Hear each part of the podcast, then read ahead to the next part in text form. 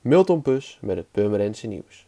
Op de dag dat de media melden dat de personeelstekorten in de zorg teruglopen, maakte het Dijklanden ziekenhuis bekend dat komende zomer een deel van de geplande operaties wordt uitgesteld. Reden: te weinig personeel en die gaat deels ook nog op vakantie. Het gaat om 20% van de geplande operaties in Horen en Purmerend. Het aangepaste rooster heeft geen gevolgen voor de spoedzorg, intensive care zorg en acute opvang van patiënten.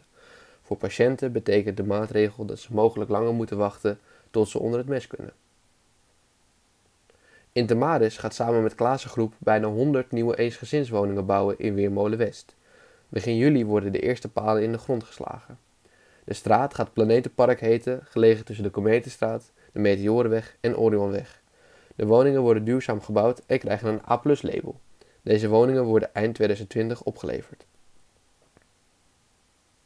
In het Pinksterweekend zal in het Zaantheater The Wiz te zien zijn, een familiemusical met hits van onder andere Michael Jackson en Diana Ross. Onder meer gezongen en gespeeld door de permanente Kelsey Van Dam. Van Dam maakt voor deze voorstelling onderdeel uit van het ensemble, maar danst ook een solo.